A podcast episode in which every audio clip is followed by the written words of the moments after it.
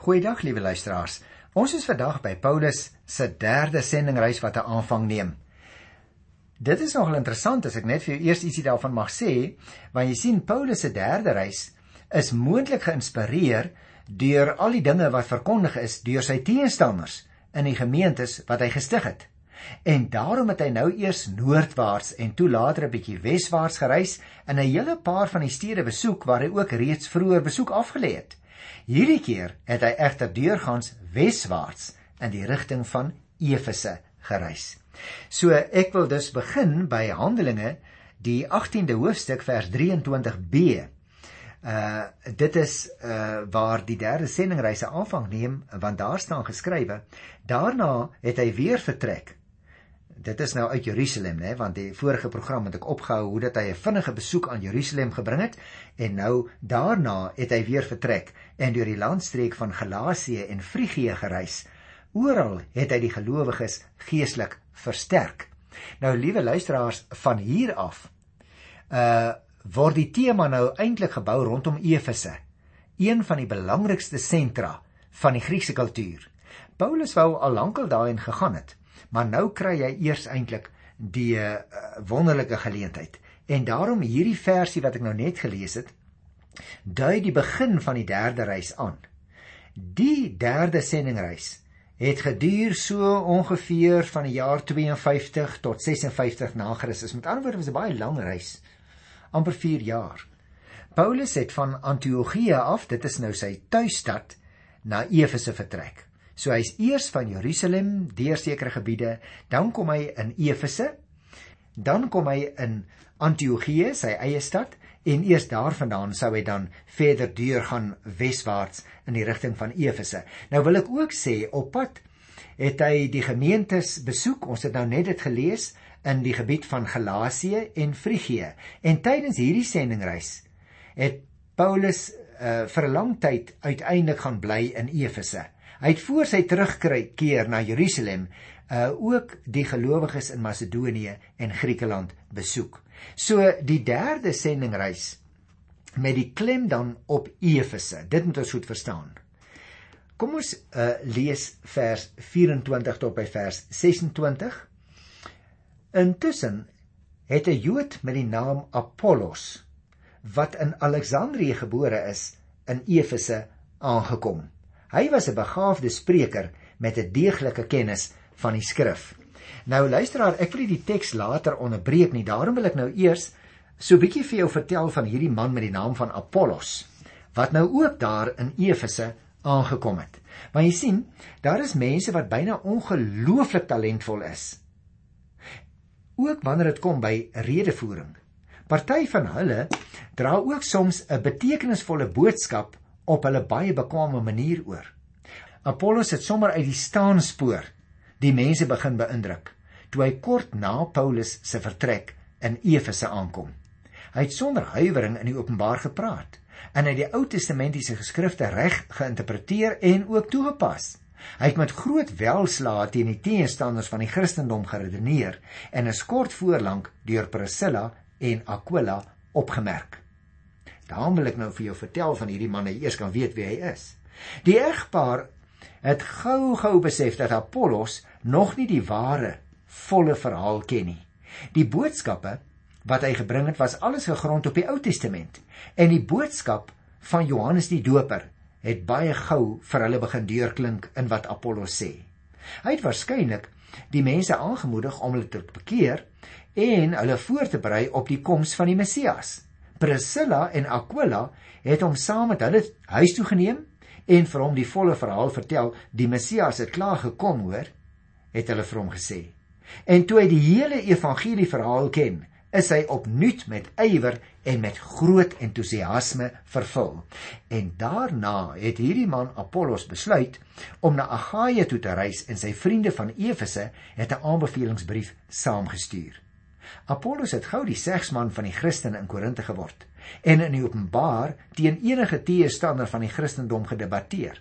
Nou soos dikwels gebeur, liewe luisteraar, het Apollos se besondere vermoëns om te praat en te getuig later tot probleme begin lei. Want party van die Christene het hom as persoon begin aanhang en luisteraar dit is altyd 'n gevaar dat 'n verkondiger van die boodskap naamlik mense kry wat hom begin aanhang eerder sy persoon as die saak wat hy amptelik verteenwoordig die saak van die Here Jesus. En daarom het hulle dus eerder volgelinge van Apollos geword as volgelinge van Christus. En daardeur is sy boodskap natuurlik ook skeef getrek. Paulus moes die Korintiërs uiteindelik aanspreek oor hierdie verdeeldheid onder hulle. Sodra die prediker belangriker word as sy boodskap, verminder die lojaliteit aan die Here Jesus om wie dit eintlik gaan, nie waar nie. En dan lê die saak skade, dan kry jy groepvorming, jy kry verdeeldheid, jy kry selfs uiteindelik skeuring ook in gemeentes. Paulus het egter in sy briewe met baie groot waardering gepraat van die werk wat Apollos daar gedoen het en van die wyse waarop hy voortgebou het op die saad van die evangelie wat hy wat Paulus is in Korinte gesaai het. As Paulus die laaste keer van Apollos melding maak, dan is dit in die briefie aan Titus. En daaruit lei ons af dat hy nog steeds 'n reisende evangelis was wat Titus se hulp nodig gehad het. Dit sou natuurlik vol maklik gewees het om hoogmoedig te raak, aangesien hy so talentvol was. Maar Apollos, liewe luisteraars, toon deurgangs dat hy bereid is om te leer. Nadat Priscilla en Aquila maande lank by Paulus geleer het, het die Here hulle weer gebruik om die volle evangelie aan Apollos oor te dra. Die feit dat hy so 'n goeie student was, het uiteindelik van hom 'n nog beter leraar gemaak as wat hy van tevore was. Die vraag kom by my ook op, ek hoop by jou ook, is ek ook bereid om te leer? Tot watter mate stel my bereidwilligheid om te leer my in staat om alles te wees wat die Here wil hê wat ek moet wees. Nou ek het nou so 'n bietjie afgedwaal op hierdie Apollos omdat Paulus en Apollos so kort na mekaar aangekom het daar in Efese. En vers 24 tot 26 gaan ek nou verder lees. Apollos was 'n begaafde spreker met 'n deeglike kennis van die skrif. Hy het in die leer van die Here onderrig ontvang en het my groot geesdrif gepraat en aan ander noukeurig alles oor Jesus geleer. Maar die doop waarvan hy geweet het, was net die van Johannes. Hy het met vrymoedigheid in die sinagoge begin praat. Toe Priscilla en Aquila hom hoor, het hulle hom huis toe geneem en vir hom die leer van God nog duideliker gemaak. Met ander woorde, jy kom agter, liewe luisteraar, daar's nog dinge wat hy moes geweet het. Apollos kom van Alexandrië af. Na Rome was Alexandrië die grootste stad van die destydse wêreld en dit het natuurlik 'n geweldige belangrike kultuursentrum gehad. Apollos is 'n egte kind van sy stad. Hy's geleerd en hy is 'n uitmuntende redenaar. Nou kan ons nie presies vasstel uit watter tipe Christendom hy gekom het nie. Hy was wel bekend met die Christelike leer, maar hy het nog nie geweet byvoorbeeld van die doop in die naam van die Vader en die Seun en die Gees nie. Nou, een moontlikheid luisteraar was natuurlik dat hy behoort het aan 'n groep wat gestig is deur die disippels van Johannes die Doper en wat 'n sekere kennis van Jesus gehad het, wat egter nog onvolledig was. Daarom so wonderlik die verhaal van uh Priscilla en Aquila, want hulle het hom oortuig dat die Pauliniese teologie beter is as sy eie en daarin het hulle hom nou onderrig. Dit is duidelik Apollos was 'n geleerde man en 'n uitmuntende redenaar. Hy was bekend met die Christelike leer, maar hy het nog nie geweet van sekere dinge waarvan hy behoort te weet nie. En daarom as 'n mens nou hier die volgende verse gaan lees, dan moet jy na sekere dinge oplet hier by vers 27 en 28. Ek sal dit nou nou lees. Ek wil net eers vir jouself van vertel. Want Apollos, het ek reeds vir jou gesê, was van Alexandrië af afkomstig. Nou moet ons onthou, die stad Alexandrië in Egipte was die tweede grootste in die hele wye Romeinse ryk. Het ook onder andere 'n groot universiteit gehad. Apollos was dus eintlik baie goed onderrig en juis omdat hy so 'n goeie spreker was, kon hy goeie diens in die jong kerk lewer. Nadat hy meer van die Here Jesus geleer het by sy vriende uh Apollos hulle, het die Here sy besondere gawes op 'n besondere manier ook gebruik om die gelowiges aan te moedig en te versterk. Byvoorbeeld, Logiese redenasies kan 'n kragtige wapen vir God wees en as dit op die regte oomblik deur die regte persoon gebruik word, veral dan. Apollos het baie mense in Griekeland begin oortuig van die waarheid van die evangelie. Liewe luisteraar, jy hoef ook nie jou talente te begrawe as jy Christus as verlosser aangeneem het nie, hoor. As jy 'n goeie spreker is miskien, ook as jy goed kan en logies kan redeneer, dan moet jy juis daardie talent gebruik om ander mense nader na die Here te trek. Maar jy hoef nie daardie gawes te hê nie. Al wat jy en ek eintlik hoef te doen is om te getuig, te sê wat die Here Jesus vir my persoonlik beteken. En daarom wil ek nou vers 27 en 28 lees en verstaan ons dit dalk so 'n bietjie beter. Toe Apollos na Agaia toe wou gaan, het die gelowiges hom aangemoedig en vir hom 'n brief saamgegee aan die gelowiges daar om te versoek dat hulle hom vriendelik moet ontvang. Daar aangekom, was hy tot groot hulp vir die wat deur die genade van God gelowig geword het want hy het die Jode in die openbaar kragtig weer lê en uit die skrif bewys dat Jesus die Christus is. Ah, daar het jy dit nou. Apollos kry die plan om na Agaia toe te gaan. Dit wil sê Korinte toe. En daar het hy dan met groot krag gewerk sodat daar selfs 'n groep in die gemeente ontstaan het wat gesê het ek is van Apollos En dis die gevaar waarop ek jou gewys het. Ons kry daardie uitdrukking in 1 Korinte 1 vers 12. Ehm um, dat daar ongelukkig ook van wie sy bekwaamheid om te praat, mense afhanklik geraak het van Apollos. En dit is 'n groot gevaar vir ons ook as leraars dat ons mense nie moet bind aan ons persoon nie, maar aan die evangelie wat ons verkondig. En nou kom ons by terug by Paulus se besoek en se verblyf in Efese hier in die 19de hoofstuk en ek gaan heelwat tyd daaraan spandeer want uh, jy sien Paulus werk nou al reeds 2 jaar lank daar in Efese met baie groot sukses. Lukas gee ons eintlik 4 berigte waarby ons gaan stil staan. Hoe dat hy uh, uh, praat ook van die disippels van Johannes en sy eie prediking word vir ons gegee En dan gaan ons ook nog 'n towenaar hier kry. Ek het al vir jou gesê, jy dikwels towenaars gekry en hulle was geneig om die evangelie ver verkondigers teen te staan uh omdat hulle bang was hulle verloor hulle invloed by mense wat hulle towery aangehang het. En dan gaan Paulus ook nog praat oor die inheemse godsdiens. Kom ek sê jou net gou weer ietsie van Efese, want ons moet onthou, liewe luisteraars, Efese was die hoofstad en ook die belangrikste handelsentrum van die Romeinse provinsie Asië. Dit wil sê daar in die huidige Wes-Turkye wat ons vandag ken as Wes-Turkye. 'n wonderlike stad met wonderlike ruïnes as jy ooit daar sou kon kom. Die stad was bekend in daardie tyd vir sy besige see en landverkeer en dit was net soos Antiochië in Sirië uh, en Alexandrië in Egipte bekend as een van die grootste stede wat reg langs die Middellandse See gelê het. Nou Paulus het 'n bietjie meer as 2 jaar daar gebly. Sy eerste brief aan die Korintiërs is juis daarvan Efese afgeskrywe nadat hy van sekere probleme in die gemeente gehoor het. Hy het later terwyl hy in Caesarea of Rome, ons is nie seker nie, in die tronk was, ook 'n brief geskryf aan die gemeente daar in Efese. Dis natuurlik die brief Efesiërs. Maar kom ons lees dan die eerste 2 verse van Handelinge 19.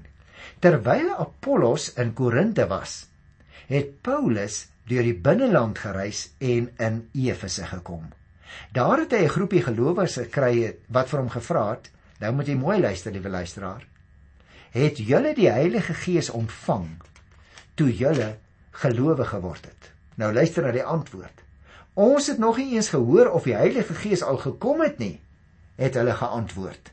Nou ek dink ons moet eers hieroor 'n bietjie indringend gesels, liewe luisteraars, want dit is 'n baie interessante en 'n baie belangrike opmerking en dit het al dikwels in kerke gelei tot groot twispunte wat ons hier lees.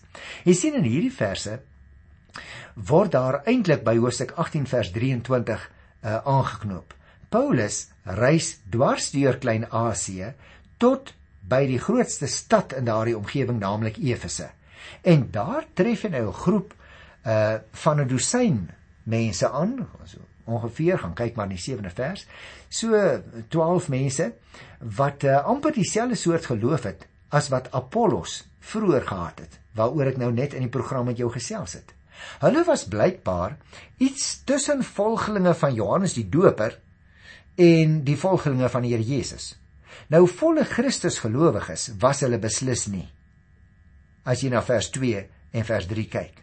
Hulle kon egter ook nie heeltemal onkundig gewees het om omtrent die Here Jesus nie. Anders sou Lukas hulle nie gelowiges genoem het nie, né? Want gelowiges uh, dui tog op disippels, né? En dan sou Paulus ook nie daarvan gepraat het nie as van gelowig geword het julle toe julle gelowig geword het die Heilige Gees ontvang. So hulle was inderdaad gelowiges, hoewel ons nie al die detail daarvan ken nie, maar Paulus vra hulle nou of hulle die Heilige Gees ontvang het. Jy sien liewe luisteraar, die ontvangs van die Gees is die waarborg dat 'n mens 'n egte gelowige is. Gaan kyk gerees weer in Hoofstuk 10 naby vers 47. Ons het dit behandel. Maar hulle antwoord kom net daarop neer dat hulle nog nie eens gehoor het van die vervulling van die Heilige Gees nie. Nou kom ek lees dit nou verder by vers 3. Watter soort doop het julle dan ontvang? Vra hy toe. Die doop van Johannes, antwoord hulle. Daarop sê Paulus: Johannes het die mense gedoop as hulle hulle bekeer het. Maar hy het vir die volk gesê dat hulle in die een moet glo wat na hom kom. Dit is in Jesus. Toe hulle dit hoor, het hulle hulle in die naam van die Here Jesus laat doop. Paulus het hulle ook die hande opgelê. Toe het die Heilige Gees op hulle gekom en hulle het ongewone taal en klanke gebruik en hulle het geprofeteer. Hulle was altesaam omtrent 12, soos ek net nou vir jou gesê het. Hulle was so 'n uh, half dosyn of wat. Nou hierdie vraag van Paulus is dus baie belangrik, liewe luisteraar.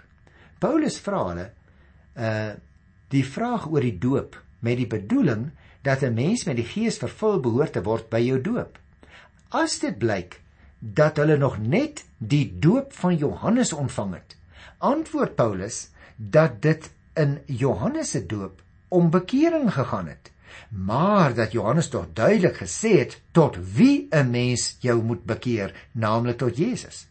Jy sien luisteraar, die feit dat hulle die doop van Johannes ontvang het, beteken dus dat hulle hulle tot Jesus moet bekeer. Hulle het hulle nog nie tot hom bekeer nie. Nou ontvang die manne eers vir die eerste keer die Christelike doop. Paulus lê hulle die hande op. Dit was 'n teken van die oordrag van bonatuurlike kragte.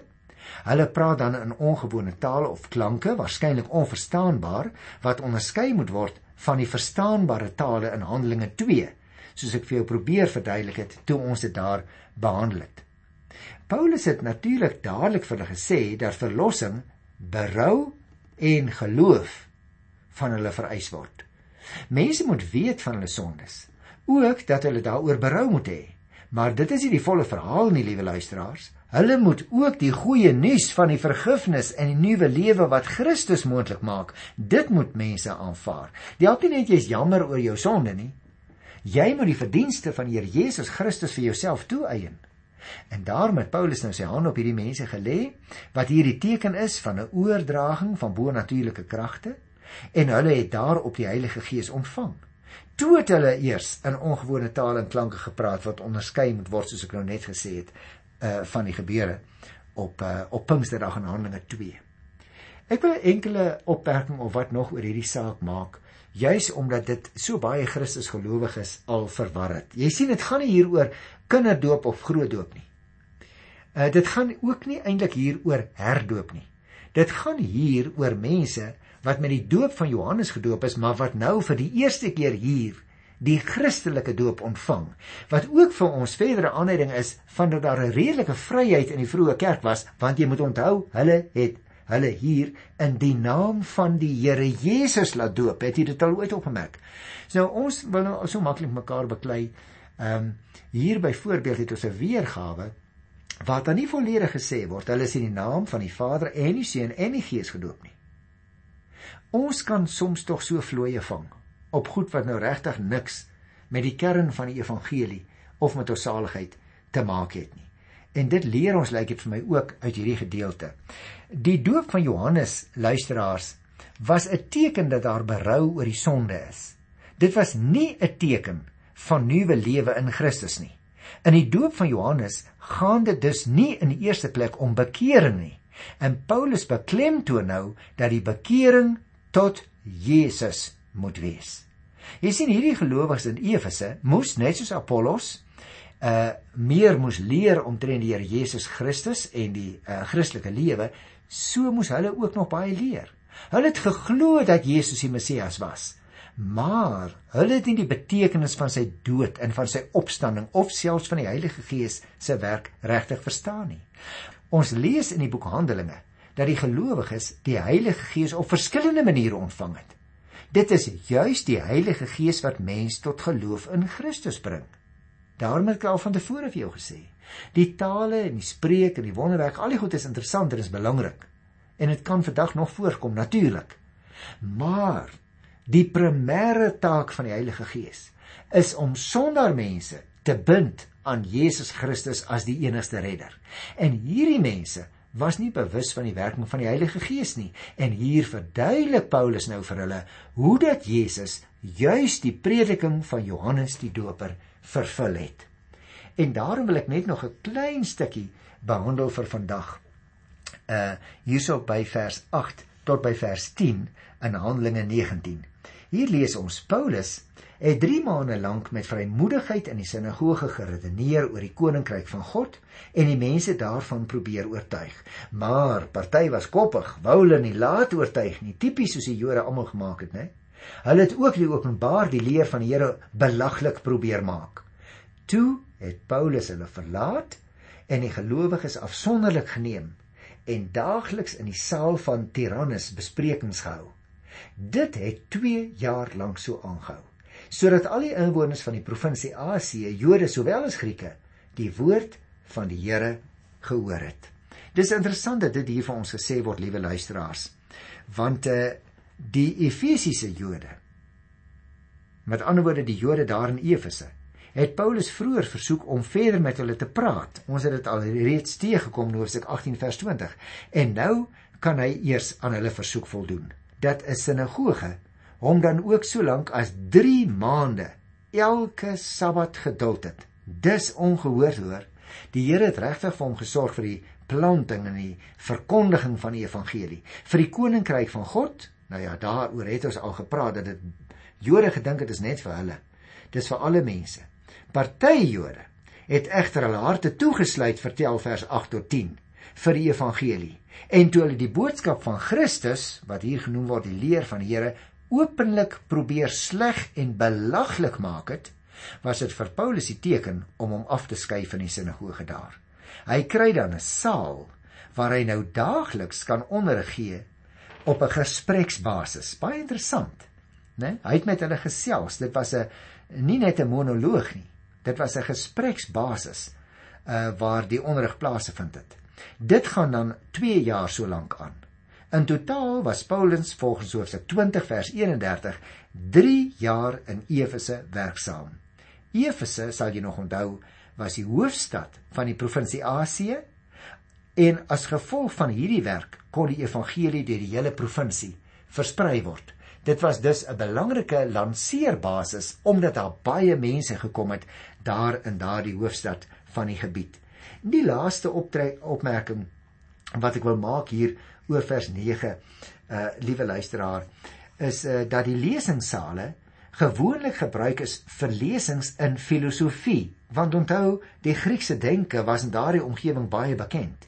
Maar Petrus gebruik nou daardie ek noem dit nou maar lesingsale waar hulle gewoonlik na filosofie gaan luister het gebruik die sendeling dit nou om die gelowiges op 'n gespreksbasis te onderrig vir 2 jaar lank Wat 'n wonderlike lering die evangelie in hierdie wêreldstad Efese met sy ongelooflik indrukwekkende geboue, sy groot biblioteek, sy marmerstrate, die groot amfitheater wat daar was. As 'n mens daar kom jy kyk na die ruïnes, dan besef jy net wat 'n wonderlike wonderlike getroue dienskneg van die Here was Paulus nie, want hy kon weggegaan het, maar hy het daar gebly en die evangelie as dit ware in die reissakke van die kamele en van die donkies ingelaai wanneer hy dit in die harte van die mense afgelaai het en hulle neem dit terug na die platte land daar waar hulle vandaan gekom het. Ek groet jou in die wonderlike naam van die Here. Tot volgende keer. Tot dan. Totsiens.